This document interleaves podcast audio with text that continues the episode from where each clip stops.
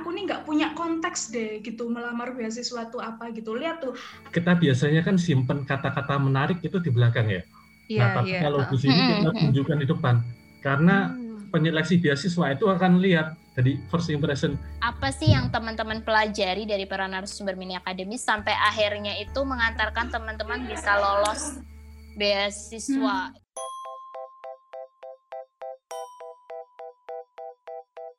Halo semua. Selamat datang di Dapur Mini Academy. Tempat cerita di balik layar kami. Dari serunya, susahnya, dan tak lupa ada banyak insight menariknya. Silahkan diambil hikmahnya. Jika ada, semoga bisa jadi inspirasi. Selamat menikmati dapur kami.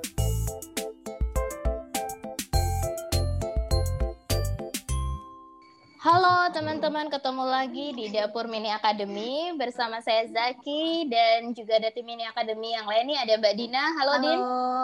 Halo Nah, kita- para pendengar setia Mini Academy. Asik. Besok habis ini hostnya ganti kayaknya ya Dina. Biar gantian. Ntar nggak bosen suaraku. Apalagi suaraku cempreng nih. Eh, Nggak enak kayak didengar lah.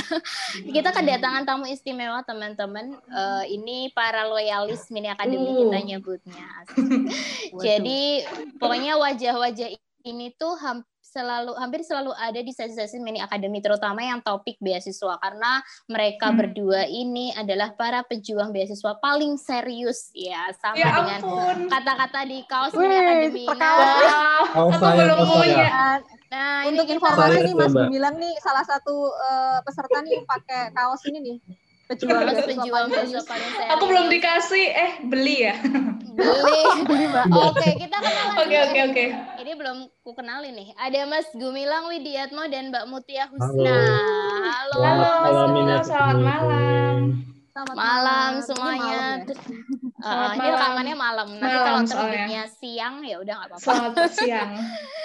Mas Gumilang, Mas Gumilang ini Iya, uh, yang sehat ya Mas ya. Alhamdulillah sehat-sehat. Sekarang posisi lagi di Di Taiwan. Taiwan, betul. Oke, nah Hmm. kami tuh beberapa bulan lalu dapat kabar gembira nih teman-teman dari Mas Gumilang yang uh, lolos beasiswa kampus ya di Taiwan. Kampus apa Mas Gumilang? Saya University. Di Daya kota Uni- apa itu kalau boleh tahu? Kotanya Dachun Township, Changhua County. Jadi Walah, angel tenan ya. susah ya. Susah. Angel. Susah di Ya udah lah ya. Ya udahlah Nanti pokoknya sana. akan ditulis di, di caption. Jadi nanti lihat aja di Baik lihat di caption bawah ya. Iya, lihat di caption. Oke, kalau Iya. Mutia, Mutia ini eh, alumni beasiswa bergengsi banget nih yang Oh, dikejar ya banyak orang. ampun. Chevening. Ye, alhamdulillah. Halo semuanya. Mutia Chevening Hmm. di mana Mut? Kampusnya Mut? Aku di Coventry University, itu di kota Coventry. Bidang bidang studinya apa Mut? Jurusannya MSc in Forensic Psychology gitu. Oh, forensik. Oke, kalau Mas Gumilang tadi apa Mas eh, bidang studinya? PhD in Management. College PhD in Management. Oke, jadi Mbak Mutia ini S2, Mas Gumilang Hmm. S3. Eh, mereka berdua itu teman-teman dulu beneran yang ngikutin banget lah acara Mini Academy sampai kayaknya eh, lebih rajin daripada tim Mini Academy sendiri. Iya, iya. Iya kan kalau kita ada libur, Di mana pun acaranya ya? libur. Iya, di mana pun Betul. acaranya. Mendukung eh, apa bayaran. namanya, selalu ada ini mau mau itu gratis mau itu berbayar pokoknya bisa dipastikan dua nama ini tuh muncul di daftar peserta Sampai gitu. sekarang, Kak. Sampai sekarang. Iya. Sekarang muncul. sampai sekarang sampai Sampai kemarin ya waktu mbak juga. Eh, eh, waktu Kemarin. o- online ini ya online ini Iya. juga mbak Mutia sama Mas Gumilang nih selalu ikut Luar biasa. Nah, s- tadi saya udah cerita kita dapat kabar dari Mas Gumilang kalau lolos beasiswa itu kita senang banget. Mbak Mutia juga pernah posting di Instagram ketika lolos Hmm. chevening itu dan menyebut mini academy itu kami Yoi. terharu banget gitu loh Din karena nggak nyangka Iya. ya karena nggak nyangka bahwa kami kira kan soalnya kan tim mini academy sendiri eh, bukan orang-orang pengajar beasiswa ya Impact-nya sampai segitu ya. Heeh, ini nggak berimpact kayak yang buat ini akademi tapi luar biasa berimpact buat teman-teman dan itu Hmm. eh, senang banget dan kita rasa narasumber pasti juga eh, senang banget. Aku ingat nih Ra, Mas Gumilang nih aku mau buka rahasia. Jadi dulu pas eh, Mas Gumilang itu sering banget sampai kan eh, ini ya kontak sama Mas Made Andi ya kalau nggak salah ya Mas Gumilang. Sempet betul kontak sempet konsultasi sama Mas Made Betul, Andi salah satu narasumber kita di bidang beasiswa. Nah itu terus eh, satu ketika yang acara di IONS itu Mas Gumilang acara kita sebelum pandemi ya, yang tryout beasiswa Australia. AS oh, Australia sorry Ah. Iya, tryout beasiswa Australia itu eh, Mas Gumilang apa Mas Made Andi itu eh, menyampaikan tuh eh Gumilang ikut lagi loh. Yuk kita doakan dengan serius gitu. Karena beliau adalah Iya. pejuang beasiswa paling serius. Kayaknya tuh malu gitu kalau beliau seserius itu tapi eh, kita nggak serius gitu ya dalam mensupport beliau walaupun Hmm. kita bisa supportnya adalah lewat acara dan juga lewat doa terbaik dari kami lah. Alhamdulillah ya Alhamdulillah. ketika pandemi ini kemudian dapat kabar bahagia itu luar biasa. Nah mungkin pengen Yeay. tahu nih teman-teman awal tahun ini akademi itu dari mana sih? Mutia dulu atau Mas Gumilang terserah lah. Saya dulu. Ya baik oke. Monggo. Pakai bel aja gimana nih pakai bel Tetot. Eh, saya saya tuh masih ingat itu waktu Juni 2019. Jadi awal pertama kali kan Hmm. saya iseng-iseng di IG itu kan cari Hmm. story tentang beasiswa. Caption beasiswa kan banyak internet di IG. Nah kebetulan di IG itu uh, yang nyantol ada mini akademi ini seperti apa sih kan saya seperti akademi apa gitu kan. Saya Wes. pikir Oh dari akademi- explore ya? Berarti dari Iya, explore saya lagi pikir, ya? Wow. uh, saya pikir akademi bisnis atau apa. Kemudian saya add. Kemudian saya lihat ada Instastory itu pertama kali saya datang acara di Jogja. Saya masih ingat di UP45 tanggal 22 Oh. Juni. Mungkin Kampus proklamasi ya? Kampus Betul, ya. proklamasi Universitas 45. Proklamasi Betul 45 sekali. Pembicaranya waktu itu Pak Madiandi dan wah ini track recordnya luar biasa nih AS. Betul, betul. Saya Google, saya googling googling akhirnya oh, luar biasa. Wow. Saya datang, saya putuskan datang. Jadi kebetulan rumah saya kan di Jogja, Hmm. tapi saya di, tinggal di Semarang. Gak apa-apa waktu itu saya weekend saya putuskan ke Jogja sekalian eh, pulang dan ngikuti seminarnya. Seminar Wow, Aduh. keren. Iya. jauh Oke, jauh loh dari Semarang. Iya. Luar biasa. Oh berarti kepo dulu ya, kepo dulu ya Mas Oh, ya. itulah. Siapa sih narasumbernya gitu? Oh, Oke. kita harus kepo dulu dari Betul. informasi Wow. seperti apa. Hmm. Eh, Mbak Mutia, kalau Mbak Mutia kapan tuh Mut? Kalau aku tuh tahun 2018, jadi pertama kali kan aku sebenarnya itu sudah kuliah kan di UGM. Jadi sebenarnya itu S2 enggak ya? S2, S2 juga di psikologi. heeh. psikologi UGM. Jadi itu sebenarnya kayak apa namanya hasrat untuk apply beasiswa tahun itu tuh nggak semenggebu-gebu tahun-tahun yang lalu karena Hmm. eh, lagi sekolah juga gitu. Tapi waktu itu ketika pembukaan apa sih namanya itu kayak penyambutan mahasiswa baru pasca sarjana itu Pak Andi, Pak Andi yang jadi salah satu eh, pembicaranya. Nah kemudian Hmm. kemudian ini kan follow Instagramnya apa segala macam. Kemudian kalau nggak salah nge-share waktu sa- waktu beliau jadi salah satu pembicaranya di Mini Academy masih tahun 2018 Hmm. tengahan tahun itu yang acaranya di Burjo Borju. Nah, Di sebuah rumah Burjo makan di Borju. Jogja. Baik. ya di, aduh nyebut merek. Jadi Gak apa-apa, kita baik aja ya di Borjo Rakyat Office, di Borjo Rakyat teman-teman. ya nama Burjo Rakyat, tuh. ya betul Nah. Burjo Rakyat. Nah, Kirain itu burjo-burjo beneran nih. aku rada lupa ya, pokoknya burjo-burjo itu tapi yang bagus Iya. kan. Terus habis itu baru ngikutin fitnya Mini Academy sampai eh, kayaknya itu setiap dua minggu sekali itu selalu ada ma- pemateri materi bagus gitulah pokoknya nggak tahu lah narasumber narasumbernya itu entah dari eh, awardee-nya eh, Chevening, entah itu dari award. AAS, entah itu yang Hmm. double degree, maksudnya beasiswa S2 kenapa S2 dua kali kenapa tidak sampai aku hafal kan judulnya. Luar biasa. Makasih loh. Makanya itu. Nggak sia-sia dipikirin judulnya bener-bener ya Zak ya. Betul itu karena Iya, ada yang menghafalkan. nyantol. Dari Nyantol, situ iya. dari situ akhirnya eh, ketika lagi nggak ngapa-ngapain akhirnya menyempatkan waktu untuk ikut kegiatan-kegiatannya di mini academy gitu. Wow, emang pertama kali gimana sih waktu Hmm. ikut acara mini academy pertama tuh hal berkesan apa yang bikin teman-teman tuh jadi pengen ikut lagi gitu? Mas Gumilang apa tuh Mas di UP 45? Kan itu seminar ya bentuknya ya, agak beda nih kalau Mbak Mutia tadi taunya pas Aku sharing session Purjora ya. gitu lah. Heeh, kalau Mas Gumilang kayak pas seminar. Seminar yang pesertanya banyak gitu. Oh, waktu itu saya tertarik dengan bukunya, jujur. Buku, Buku AAF. Saya masih oh rahasia rahasia beasiswa. Australia, iya. Iya. Saya ke sana sekalian beli Mbak Zaki. Jadi saya datang awal, belum Oh, dibuka. Saya langsung nanya bukunya. Saking tertariknya. kan. Saya oh mantap mantap. Hmm. Menarik. Nah, terus Hmm. Setelah saya beli, terus saya harus ketemu nih, harus dengan pembicaranya. Paling nggak foto bareng.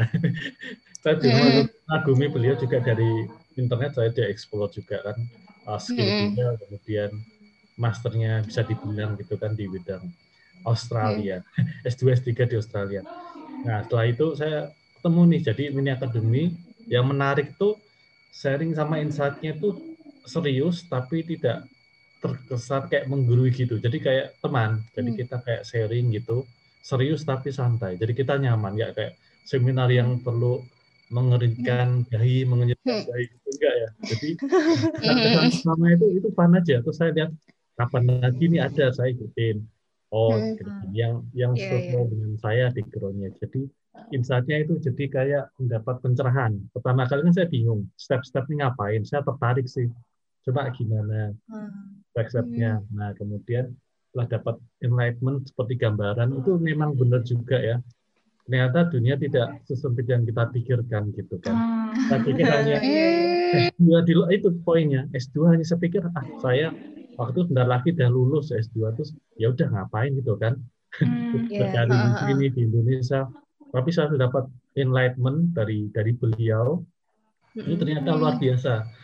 Dan beliau juga eh, ini yang yang berkesan Pak Andi tanda tangan nulis di buku AS yang saya beli. Jadi dunia tidak sebesar eh, adalah imajinasi tanpa batas. Intinya gitu. Saya- Hmm. Poinnya gitu. Jadi pikir itu yang jadi uh, enlightenment saya, motivasi saya untuk mengikuti kapan lagi ada ini. Jadi Luar biasa. pesan pertama ini, wah langsung langsung semangat sekali nih. Wah harus harus saya tempuh deh. Hmm. Meskipun banyak sharing hal lain itu pasti nggak akan mudah. Pasti sekali pernah gagal nggak mungkin sekali kita apply langsung accepted di luar negeri. Saya pikir Mm-mm. wah ini perlu perjuangan dan saya harus menempuh itu meskipun berkali-kali ditolak tapi harus tetap maju terus. Jadi itu itu kesan pertama. Lanjutnya ngikuti Hmm. lagi tuh sampai ke rumah beliau Pak Madiandi juga. Us, militan ya. Mantap. Militan. Kalau nggak salah nih, kalau nggak salah ya, aku eh, Mas Gumilang ini kalau ikut acara itu jadinya yang kebanyakan weekend ya Mas kalau nggak salah ya. Makanya jarang muncul di sharing session Sharing. di Burjura ya tadi ya. Burjura. Karena seringnya Sabtu akhir Minggu. pekan dari Semarang Hmm. ini eh, dari Semarang ngelaju gitulah ya, komuter. Mm-mm. Eh, sebetulnya Kerja ya waktu itu Mas tua. Gemilang ker- kerja ya pas itu posisinya eh, kerja Betul, kerja. Saya di di Semarang. Di Semarang kerja, jadi saya di sebuah bank, kemudian saya di Hmm. advisor untuk menjadi lecturer asisten. Di situ saya juga jadi Oh, oke. dari ikut bantu ngajar dan lain-lain. Cuma waktunya saya bilang, waktu saya agak terbatas nih, bisa nggak fleksibel. Terus kemudian disesuaikan Hmm. nih. Kan saya juga lapangan kan di sana. Jadi mudah untuk menyesuaikan waktu saya. Hmm. Nah, dengan harapan Hmm. saya nanti S3 di sini bisa menunjang karir saya sebagai akademisi begitu. Terus Oh, Oke, peneliti jadi karena kerja itu mungkin ya, karena kerja jadi apa seringnya juga akhir pekan ya, karena kalau Ya. pas weekday jelas kayaknya nggak nggak mungkin gitu ya secara waktu, tapi luar biasa loh meluangkan Hmm. waktu dan tenaga untuk datang ke Jogja ngejar acara itu ya. Kalau sekarang kan online ya, Iya. kebanyakan. Kalau Tapi online, waktu itu kan Hmm. offline, hmm. Eh, tapi beneran bisa langsung ngobrol sama Mas Madi Andi gitu ini luar biasa. Nah eh, kalau Mutia apa Mut? Kan kamu ikutnya macem-macem nih di sharing iya macam. session. hmm. Apa yang Kalau- bikin kamu pengen ikut lagi ikut lagi? Jadi aku lihat itu uh, kesanku pertama itu ya waktu ikut pertama kali sesi sharingnya dengan Mas Andi itu kan aku tahu beliau ini sebagai seorang kepala international office ya di UGM gitu, hmm. tapi masih mau kan gitu dateng nemuin anak-anak satu-satu yang apa namanya yang dalam pencarian kayak gitu kan, dan itu sharing sessionnya lumayan privat kan, cuman dua row aja berapa tuh, paling nggak sampai 20 orang, ya kan, hmm. jadi jadi yeah. aku merasa bahwa apa namanya santai dan uh, bisa membahas hal-hal yang sebelumnya itu mungkin ketika seminar-seminar beasiswa itu hanya teknis jadi bisa mengarah ke substansinya gitu nah yang mana itu yang hmm. sekali terlewat gitu kan aku daftar beasiswa itu kan mulai tahun 2016 lah ya.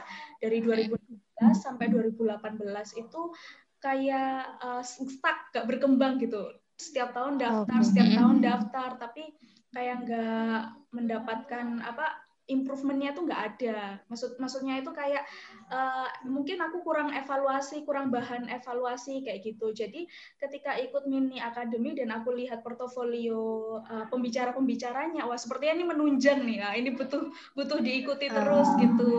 Jadi aku kebantunya itu ke banyak referensi yang emang orang-orangnya cukup portof dengan portofolio yang baik dan uh, format acaranya itu juga nggak uh, melulu santai. ya nggak melulu tentang kontennya itu bukan teknis uh, sosialisasi tapi lebih ke ngobrolin hal-hal di luar uh, teknis pendaftaran beasiswa ya. Misalnya kayak in, apa namanya Eh, dari mindset apa sih yang harus kita bawa gitu ketika mau mendaftar suatu beasiswa. Nah, hal-hal kayak gitu mungkin yang lumayan mem memberikan kontribusi menurutku terhadap hmm. aplikasi yang waktu itu aku kerjain ya. Kebetulan waktu itu lagi ngerjain shippening gitu.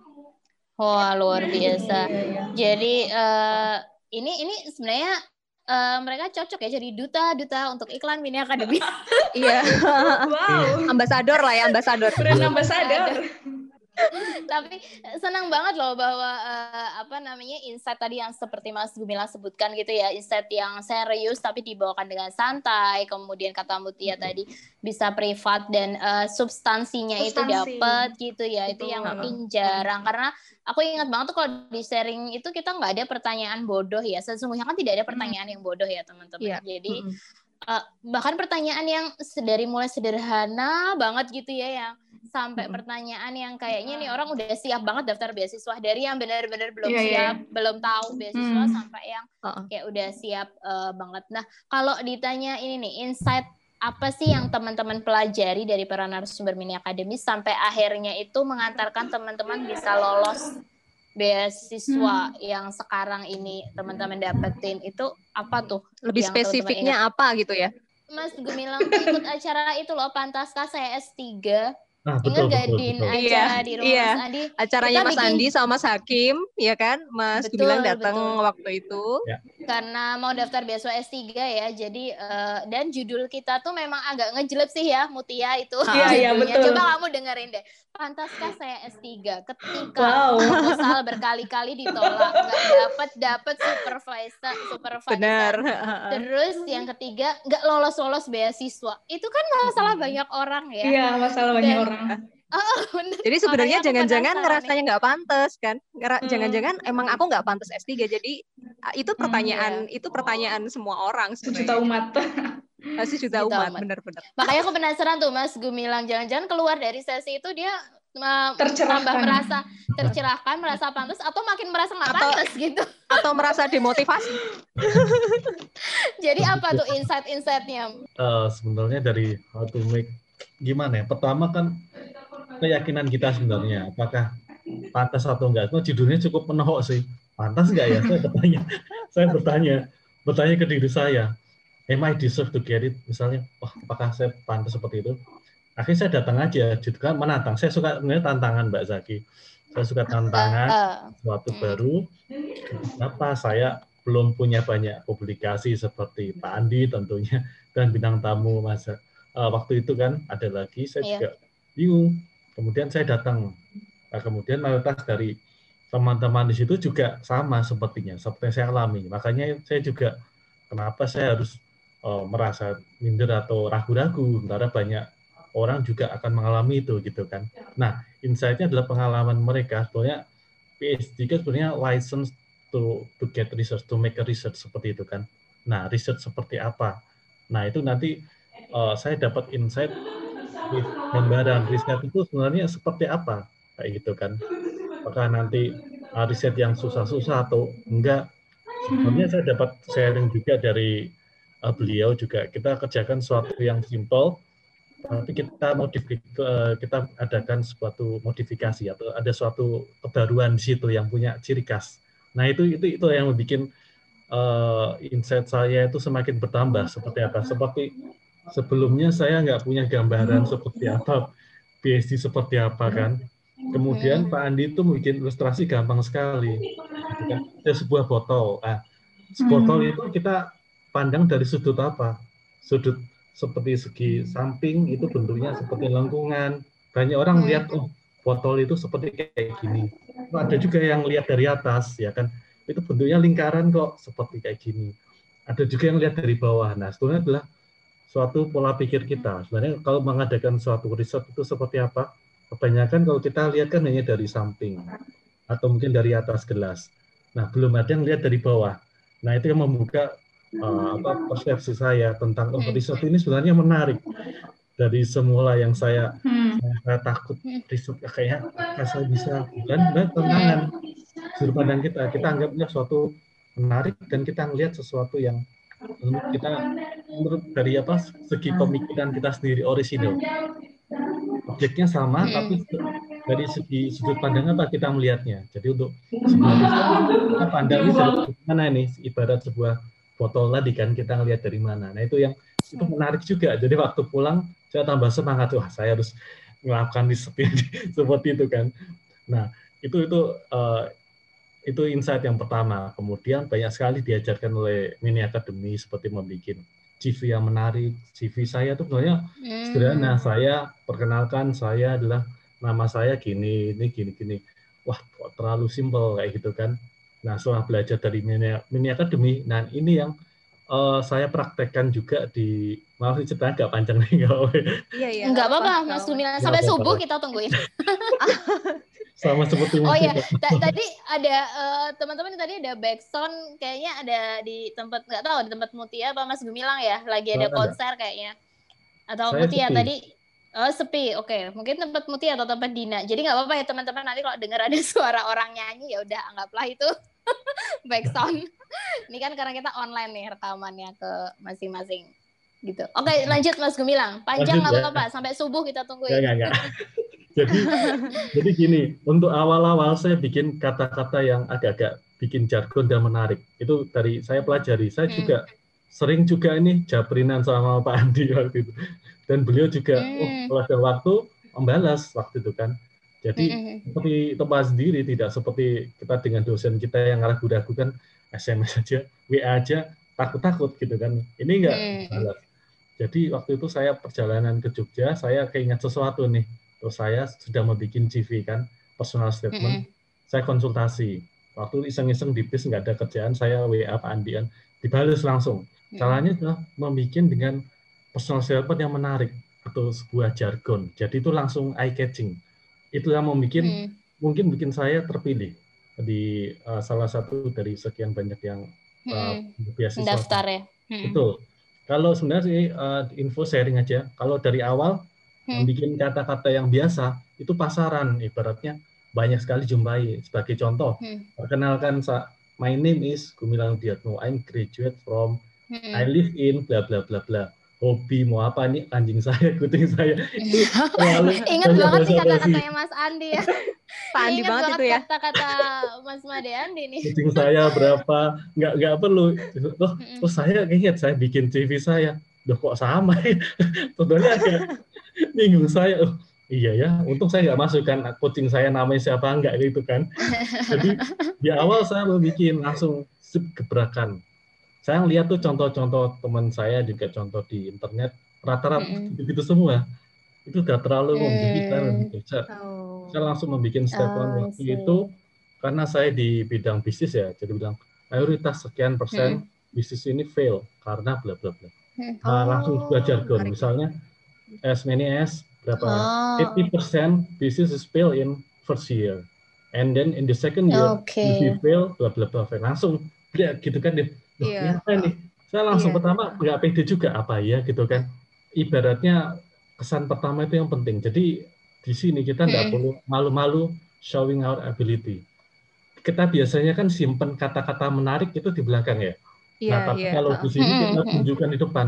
Karena Hmm. penyeleksi beasiswa itu akan lihat dari first impression bacakan sekian kan nggak mungkin hanya satu dua kan Mm-mm. ya sekali Eh, kalau rata-rata I'm graduate from bla bla, oh tuh terlalu biasa. Langsung sep, ke jargon awal. Jadi "Duh, ini menarik nih. Kemudian Ha-ha. lihat seperti apa. Langsung tampilkan nah itu yang pertama. Kemudian yang kedua kita tegas lugas langsung kita tunjukkan poin-poin kita. Misal kita experience di bidang apa kemudian seberapa besar motivasi kita. Intinya itu kita selling ourselves. Menjual diri itu yang penting. Nah ini ini Hmm. poin yang menarik. Karena apa? Kita juga sebenarnya dalam membuat PS kita adalah jualan kita mbak. Kita harus Hmm. menjual diri kita punya selling unique point. Istilahnya kalau di uh, manajemen ada unique Hmm. unique USP sorry unique selling point. Apa kita? Kalau kita sama ibaratnya kita pengen beli ikan ikannya banyak nih. Ikan cari ikan yang menarik ini misal ikan bakar dari Afrika katakanlah gitu kan menarik. Kalau ikan bakar Cianjur wah udah sering kan? Iki ikan Iya. bakar dari Afrika nih hampir punah orang kan pasti akan ini apa sih kayak gitu, kayak gitu kan ini ini terkesan gini nggak apa saya pakai perumpamaan Hmm. yang supaya Iya dimengerti. menarik. Hmm. menarik ya itu adalah uh, Mm-mm. unique, unique selling point kita. Nah itu itu poin kedua. Kemudian ini dari sekian banyak saya rangkum ya. Kemudian Mm-mm. tiga itu closing point kita itu yang paling penting. Nah terus ngapain kalau kita punya apa? Kita punya experience segala macam. Nah kalau keterima tuh mau ngapain? Nah itu yang penting kita kasih closing, closing Hmm. statement. What will we do if we are accepted? Nah itu yang yang paling penting. Kebanyakan hanya uh, planning jika saya gini, persiapan untuk awal kan Mbak Zaki. Nah, kalau keterima gimana? Kita jelaskan di situ. If I will accepted, if I will uh, will be accepted, I will bla bla bla ngapain. Jadi kita tunjukkan sebisa mungkin ini contoh di PS saya itu apa yang kita lakukan. Sebetulnya kan kampus akan Hmm. senang. Karena ini beasiswa kampus kan tentu saja kampus senang kalau kita nanti punya Hmm. kontribusi. Nah, kita tunjukkan jika saya terima, saya akan bla bla bla. Jadi berikan kontribusi yang kayaknya menarik gitu. Kita kontribusi buat Hmm. beasiswa terhadap kampus itu sendiri dan juga terhadap society kita. Jadi kan ibaratnya punya, wah ini kayak udah mateng. Jadi nggak hanya Hmm. uh, kita baking sesuatu gitu, enggak gitu. Tapi kita akan do something. Kita akan contribute something untuk memajukan kampus dan society kita. Nanti kita akan kembangkan di Indonesia. Nah, Hmm. saja akan seperti itu. Jadi uh, itu sih sebenarnya. Jadi kita pemberi beasiswa akan senang karena kita punya sebuah plan yang jelas, punya visi yang jelas. Jadi tidak hanya Hmm. oh ini itu saya hebat ya udah kamu hebat terima kamu ngapain nah itu jadi kita Mm-mm. kasih closing aja dan uh, yang terakhir itu nggak usah banyak-banyak karena tentu saja peneliti beasiswa kan banyak ya kan? Satu, sampai dua lembar saja. Saya tuh hanya ngerangkum sampai satu setengah lembar saja langsung poin-poin tegas tidak basa-basi langsung terus terus langsung Mm. satu setengah lembar saja. Saya pikir kayak gitu. Saya pikir dua kemudian saya rangkum lagi menjadi satu setengah. Jadi Hmm, wow. Jadi ini ya Mas Gemilang apa eh, tadi itu kalau boleh di eh, aku, aku simpulkan dari semuanya tuh jadi Mas Gemilang itu dapat dari mulai perspektif kayak tadi ilustrasi gimana sih eh, riset itu gitu. Perspektif dari Pak Andi tadi pas di sesi mini akademi tadi ada perspektifnya, kemudian juga bahkan sampai yang kedua tuh ke substansinya itu ke teknisnya gitu ya bikin personal statement itu gimana gitu. Jadi uh, Mas Gemilang tuh mendapatkan keduanya gitu. Karena kalau misalnya teknis aja tanpa perspektif yang benar juga nanti tidak terarah gitu. Kalau tahu perspektifnya tapi tidak tahu teknisnya juga uh, bingung Bingung. juga nanti pas mengerjakan Nerapinnya gitu. gimana? Nerapinnya gimana. Nah, kalau Mutia apa Mut uh, ininya? Insight yang kamu Insight. dapat uh, uh, dari banyak sekali narasumber yang kamu ikuti dari mulai berjuang rakyat, perpus UGM, tempatnya kan beda-beda Iya. ya. Aku ingat tuh. Hmm, Kalau aku itu pertama kali ikut itu sesinya Mas Andi yang di Burjo Rakyat. Kalau nggak salah itu emang waktu itu lagi pembukaan beasiswa AAS kan. Tapi mm-hmm. Pak Andi nggak cuman uh, ngomongin tentang uh, eh, AAS gitu, Australian Awards. Jadi lebih lebih general gitu ke ke beasiswa pada umumnya. Nah, insight pertama kali yang aku dapat ingat banget ya ini adalah tentang posisi kita sebagai seorang pelamar uh, pelamar beasiswa. beasiswa gitu. Jadi kita itu sebagai pelamar beasiswa itu harus menyadari beberapa poin-poin kayak misalkan uh, orang yang ngasih beasiswa itu kan invest kan ke kita gitu. Jadi apa sih yang membuat kita layak untuk diinvestasi sejumlah fasilitas untuk belajar. Nah, dari sudut pandang yang seperti itu aja, um, menurutku udah me memberikan evaluasi pada pengalaman me ketika aku apply apply beasiswa di tahun-tahun sebelumnya gitu. Kayak misalkan contohnya itu eh, pelajar insight pertama yang aku dapatin itu ya ini adalah mindset gitu. Hmm. Gimana caranya punya mindset yang terbuka, yang kita itu juga tahu posisi kita, yang sadar lah, aware gitu ya. Kemudian yang kedua kan aku akhirnya cukup tertarik nih. Ternyata kemasan apa namanya uh, sharing ses sessionnya Mini Academy uh, berbeda gitu ya dengan seminar-seminar yang mungkin sebelumnya pernah aku ikutin gitu. Maksudnya seminar-seminar beasiswa. Mungkin ini juga ada peran Mbak Zaki juga gitu yang bisa menggali dari segi mm. substantifnya gitu. Jadi perlu diapresiasi juga menurut Waduh, aku. Gitu. Padahal itu sebenarnya karena saya kepo aja. Nah, dapur mini akademi selanjutnya bahas ini aja kali ya. Betul, betul. Nah, kemudian kan aku selanjutnya itu kan sering ikut apa tuh namanya uh, tema-tema lainnya lagi kan yang mungkin mm-hmm. yang uh, non beasiswa ya non beasiswa misalnya dari disaster management Pak Fuad kemudian mm-hmm. uh, banyak lagi gitu yang uh, mm-hmm. yang studi dua kali kenapa tidak? Mm-hmm. yang dan kemudian ada juga yang mbak-mbak uh, yang uh, Shivening lupa aku namanya siapa. Terus Shali. ya Mbak Shali terus yang di Oh digital marketing ya, ya waktu digital itu tentang digital marketing. nah betul. Jadi aku waktu itu itu akhirnya semacam uh, terbuka satu insight lagi. Hmm. kalau ternyata kayaknya aku nih nggak punya konteks deh gitu melamar beasiswa tuh apa gitu. Lihat tuh aku lihat hmm. uh, banyak narasumber-narasumber yang hadir di mini academy itu mereka selalu punya satu bidang yang di apa namanya dibawa gitu ya yang jadi concern gitu. Nah aku tuh waktu itu nggak punya concern gitu. Aku tuh melamar beasiswa tuh cuman hmm. pengen sekolah. Semua orang tahu bahwa beasiswa itu bisa dapat sekolah tapi concern apa sih yang dibawa? Nah itu tuh juga hmm akhirnya yang membuat aku mikir gitu sebenarnya aku ini mau jadi apa mau ngapain sih? gitu dengan beasiswa yang akan aku apply gitu. Hmm. nah concern itu uh, salah itu salah satu kesadaran juga yang akhirnya membuatku um, kayak merefleksi ulang gitu tentang bagaimana caraku mendaftar beasiswa itu mungkin approach-nya harus dirubah yang mungkin semula sangat konvensional gitu ya. Maksudnya kayak um, daftar beasiswa untuk mendalami satu ilmu tertentu tapi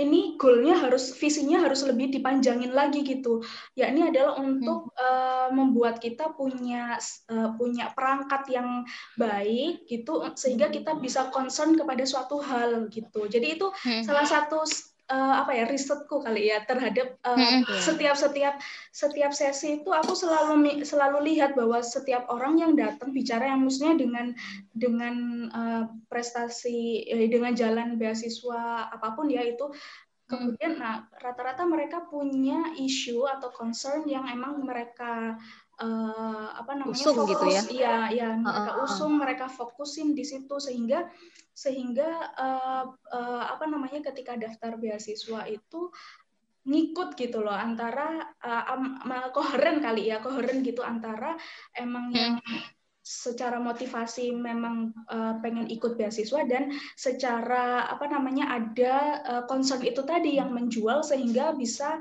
memberi uh, sehingga bisa ter, uh, peluang untuk mendapatkan beasiswanya mungkin uh, menjadi lebih terbuka gitu.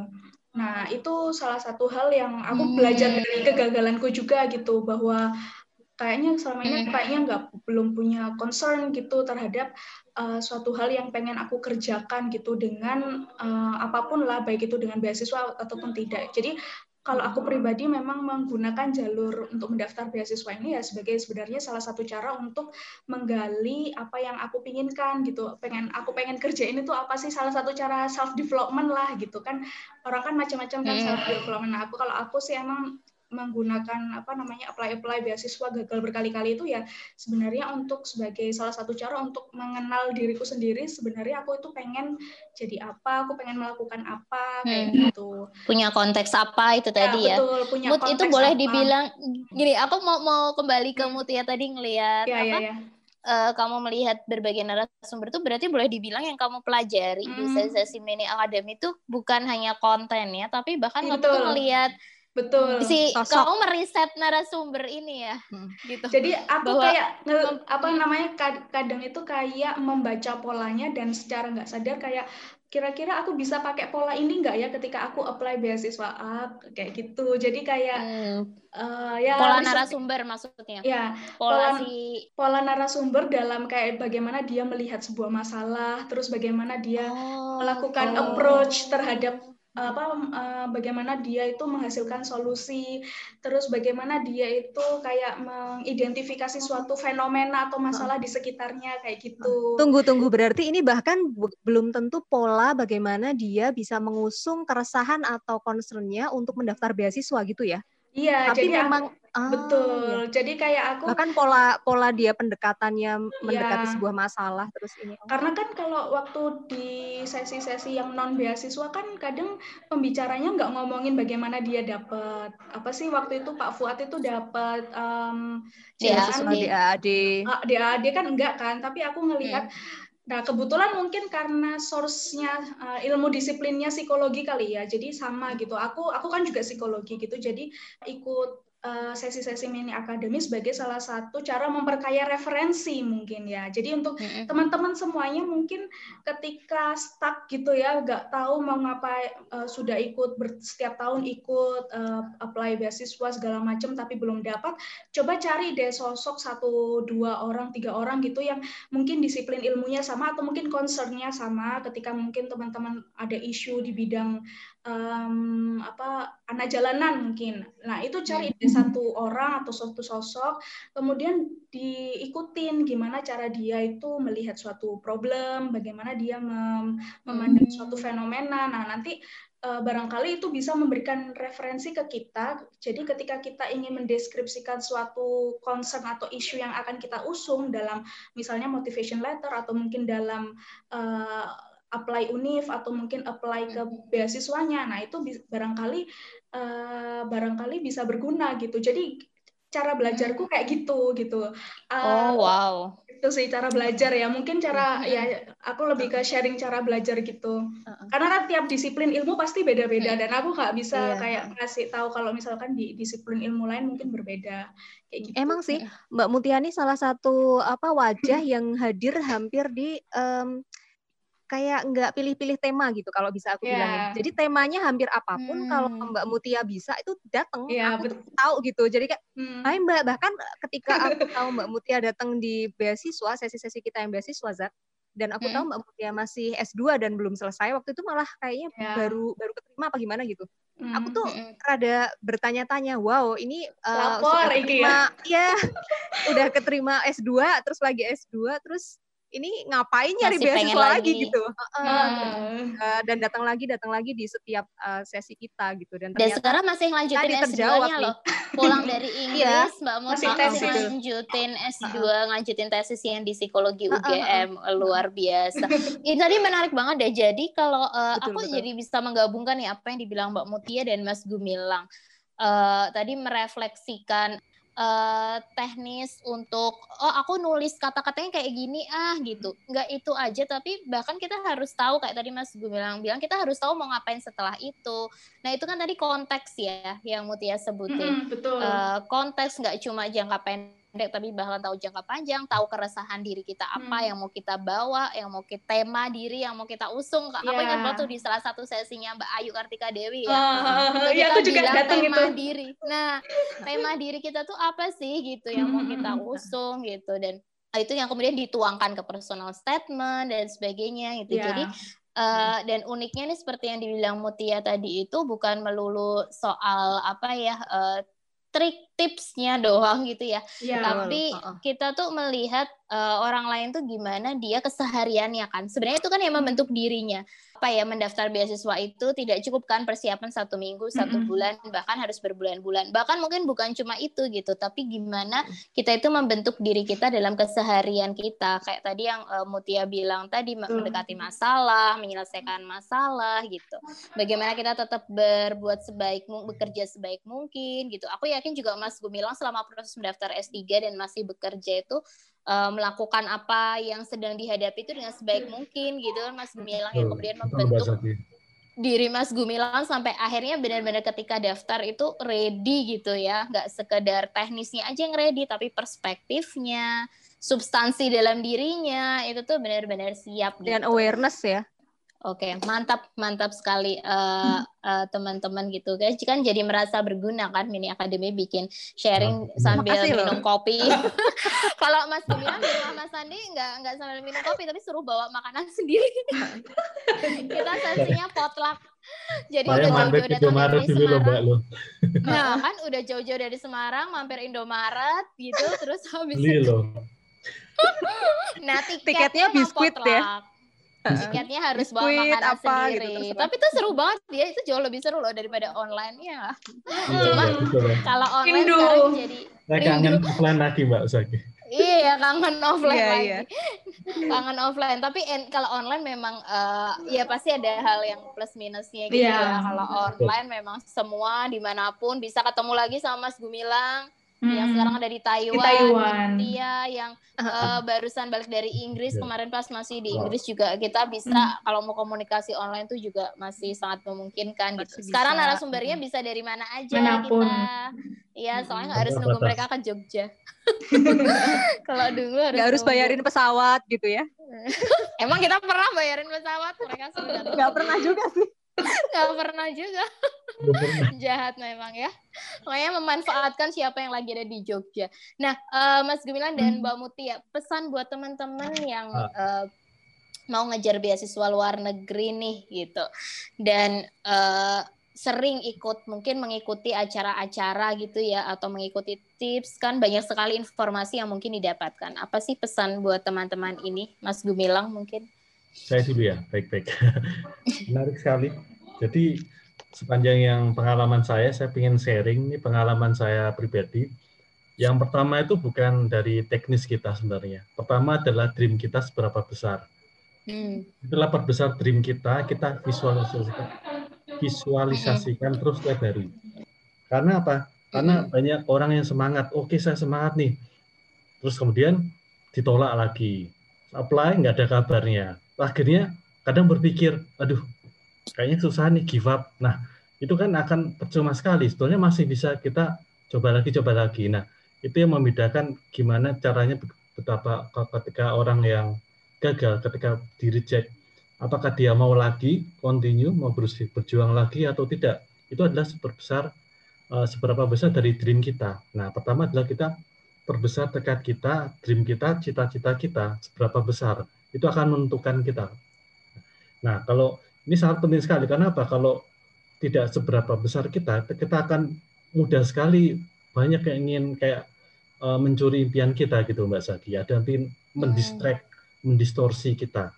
Nah, ini dari pengalaman saya itu dari teman-teman terdekat, teman kantor itu nanya ngapain jauh-jauh sudah enak kerja di sini. Sebenarnya banyak sekali yang kayak mendistract ya ini terus terang nih saya agak down. Ya ngapain juga sih? Apalagi ini pandemi bro. Banyak yang bilang gitu.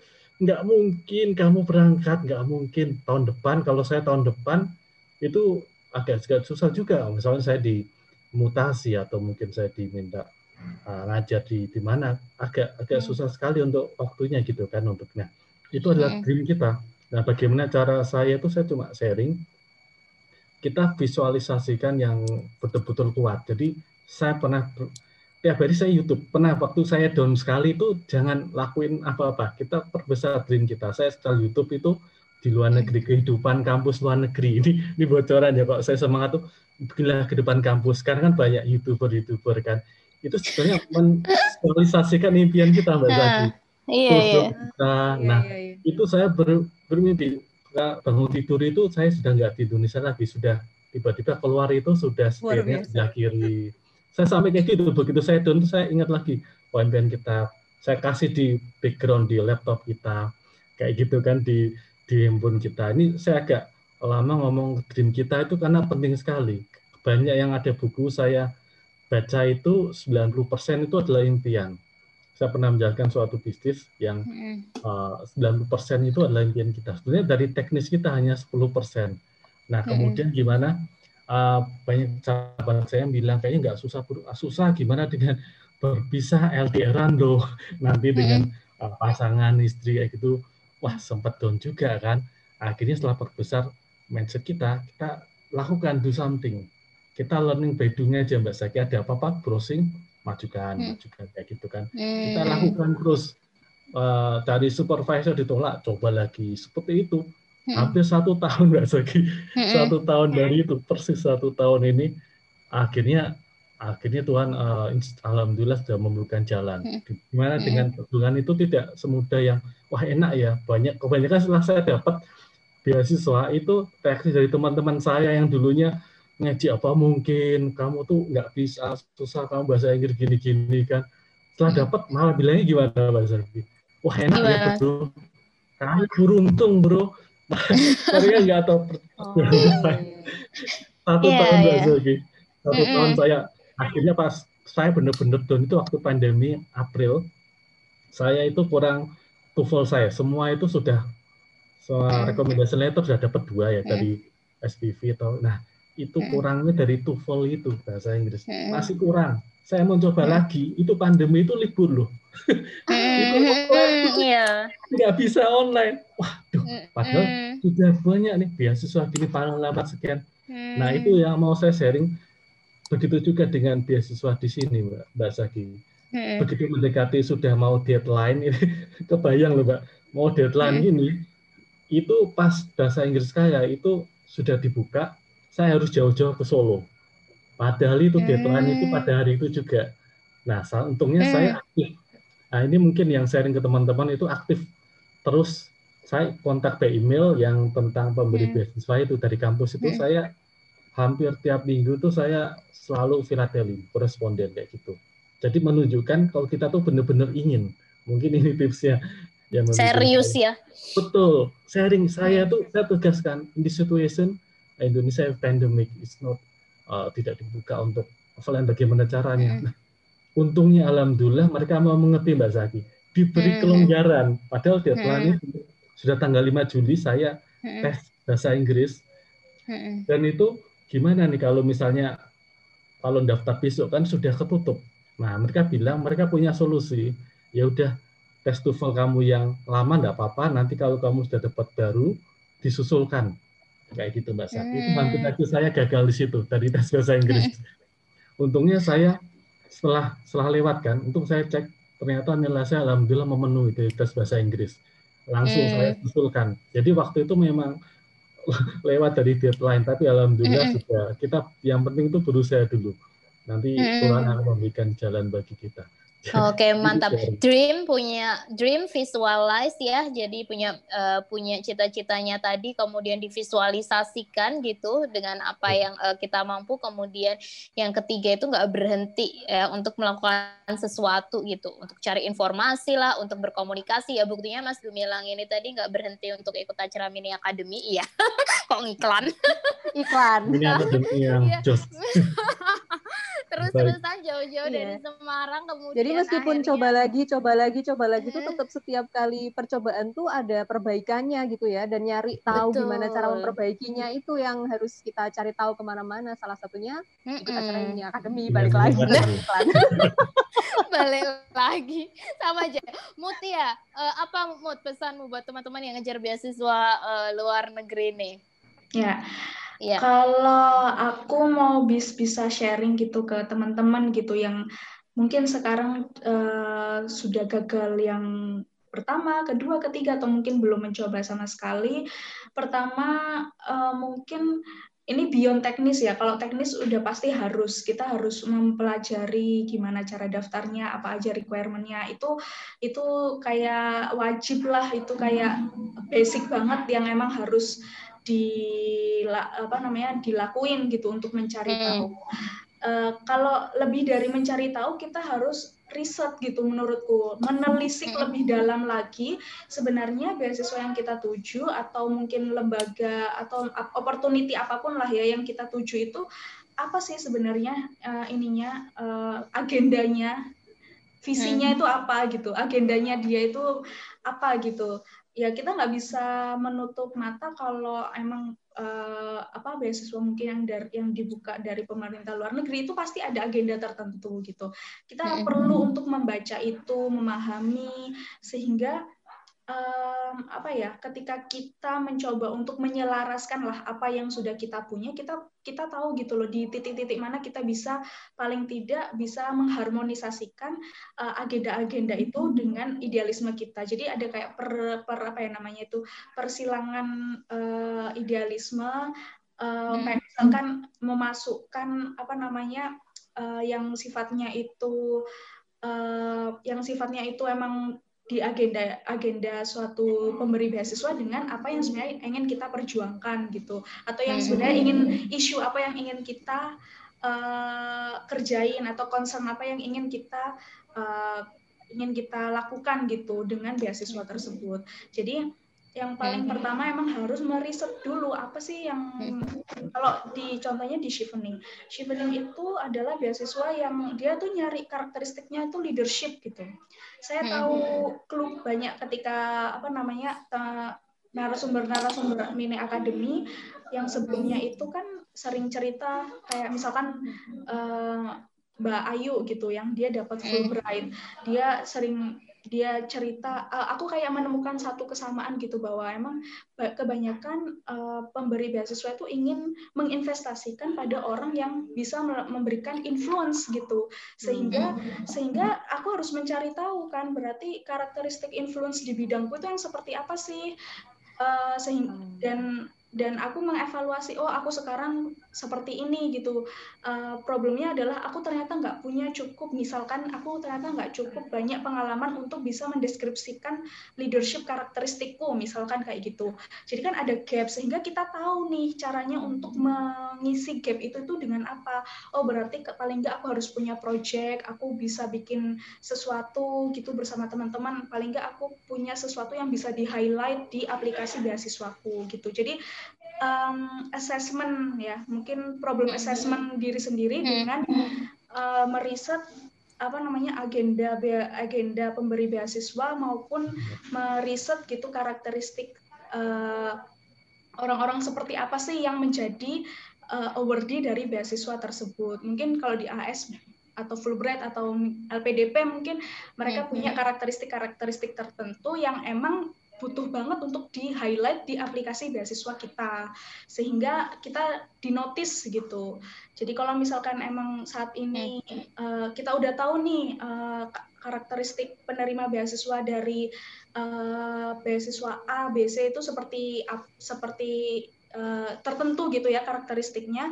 Sedangkan kita tahu bahwa kita belum memenuhi karakteristik tersebut sehingga akan tercipta gap dan itu yang perlu kita lakukan sekarang adalah mengisi gap itu. Apa pun ya bisa jadi mungkin portofolio kita kurang bagus atau mungkin presentasi kita mempresentasikan uh, ke beasiswa tersebut itu kurang maksimal atau kurang percaya diri. Karena se aku kemarin banyak review esai teman-teman Shivening kan kan kemarin tanggal 3 November kan tutup tuh Banyak sebenarnya mereka itu sebenarnya yeah. sudah punya portofolio yang bagus ya kerja di pemerintahan, tapi ketika mempresentasikan apa namanya ide mereka atau mempresentasikan diri mereka, mereka nggak cukup punya uh, confidence gitu. Jadi nggak punya nggak punya kemampuan untuk mengklaim bahwa aku nih sekarang bisa berada di titik ini karena aku gini gini gini. Jadi masih mungkin uh, sudut pandangnya masih terlalu deskriptif kayak gitu jadi uh, menurutku sayang banget gitu sebenarnya materinya sudah oke okay, tapi ada beberapa teman yang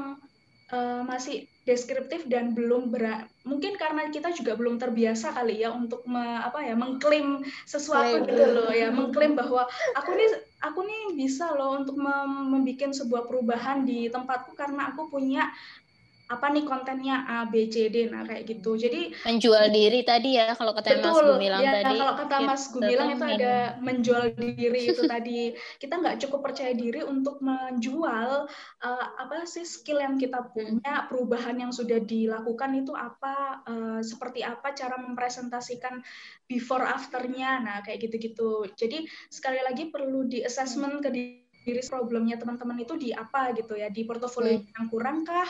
Atau presentasinya diri yang kurang maksimal kah? Atau mungkin problem problem lainnya gitu? Misalkan uh, teknis. Nah hal-hal seperti itu bisa dijadikan evaluasi untuk mendaftar beasiswa di eh, kesempatan-kesempatan uh, selanjutnya. Mungkin yang terakhir hmm. tentang value kali. Ada beberapa hal yang mungkin bertentangan gitu kali dengan apa namanya hmm. uh, uh, kita kita pribadi kan uh, perlu gitu untuk meningkatkan value dari dari dari hari ke hari gitu. Nah, uh, aku rasa ketika kita mempunyai referensi yang baik, kita bisa tahu acuan dari oh um, uh, penerima AAS tuh kayak Pak Andi nih, value-nya kayak gitu nih. Uh, jadi paling nggak kita tuh bisa mengcopy paste. Jadi yang terakhir aku pengen kasih tahu itu adalah perbanyak referensi yang sesuai dengan bidangnya teman-teman sehingga kita nggak stuck di situ-situ aja gitu tapi melihat referensi pun juga perlu perlu skill kalau menurutku sekarang ini karena balik lagi itu adalah skill untuk riset untuk bagaimana kita melihat pola suatu uh, seseorang menyampaikan sesuatu nah kayak gitu jadi banyak-banyak mendengarkan orang-orang yang emang uh, menarik untuk kita dengarkan atau yang menginspirasi untuk kita dengerin gitu sih kalau aku Mantap. Mantap. Mantap sekali. Mantap. Mantap. Mas Ini udah kayak satu sesi sharing tersendiri sih yeah. Hadin ya. Ini bisa ya. diundang masing-masing jadi satu sesi gitu kan. Mbak uh, Mutia mungkin sesinya bisa yang mengamati sosok-sosok gitu. Bagaimana skill itu bisa ditularkan ya. How to be a good uh, peserta observer dalam oh, iya, dalam iya. seminar gitu. Oh, iya, iya Bagaimana iya, caranya menjadi wow, peserta yang baik dalam iya. dalam da, ketika datang seminar beasiswa.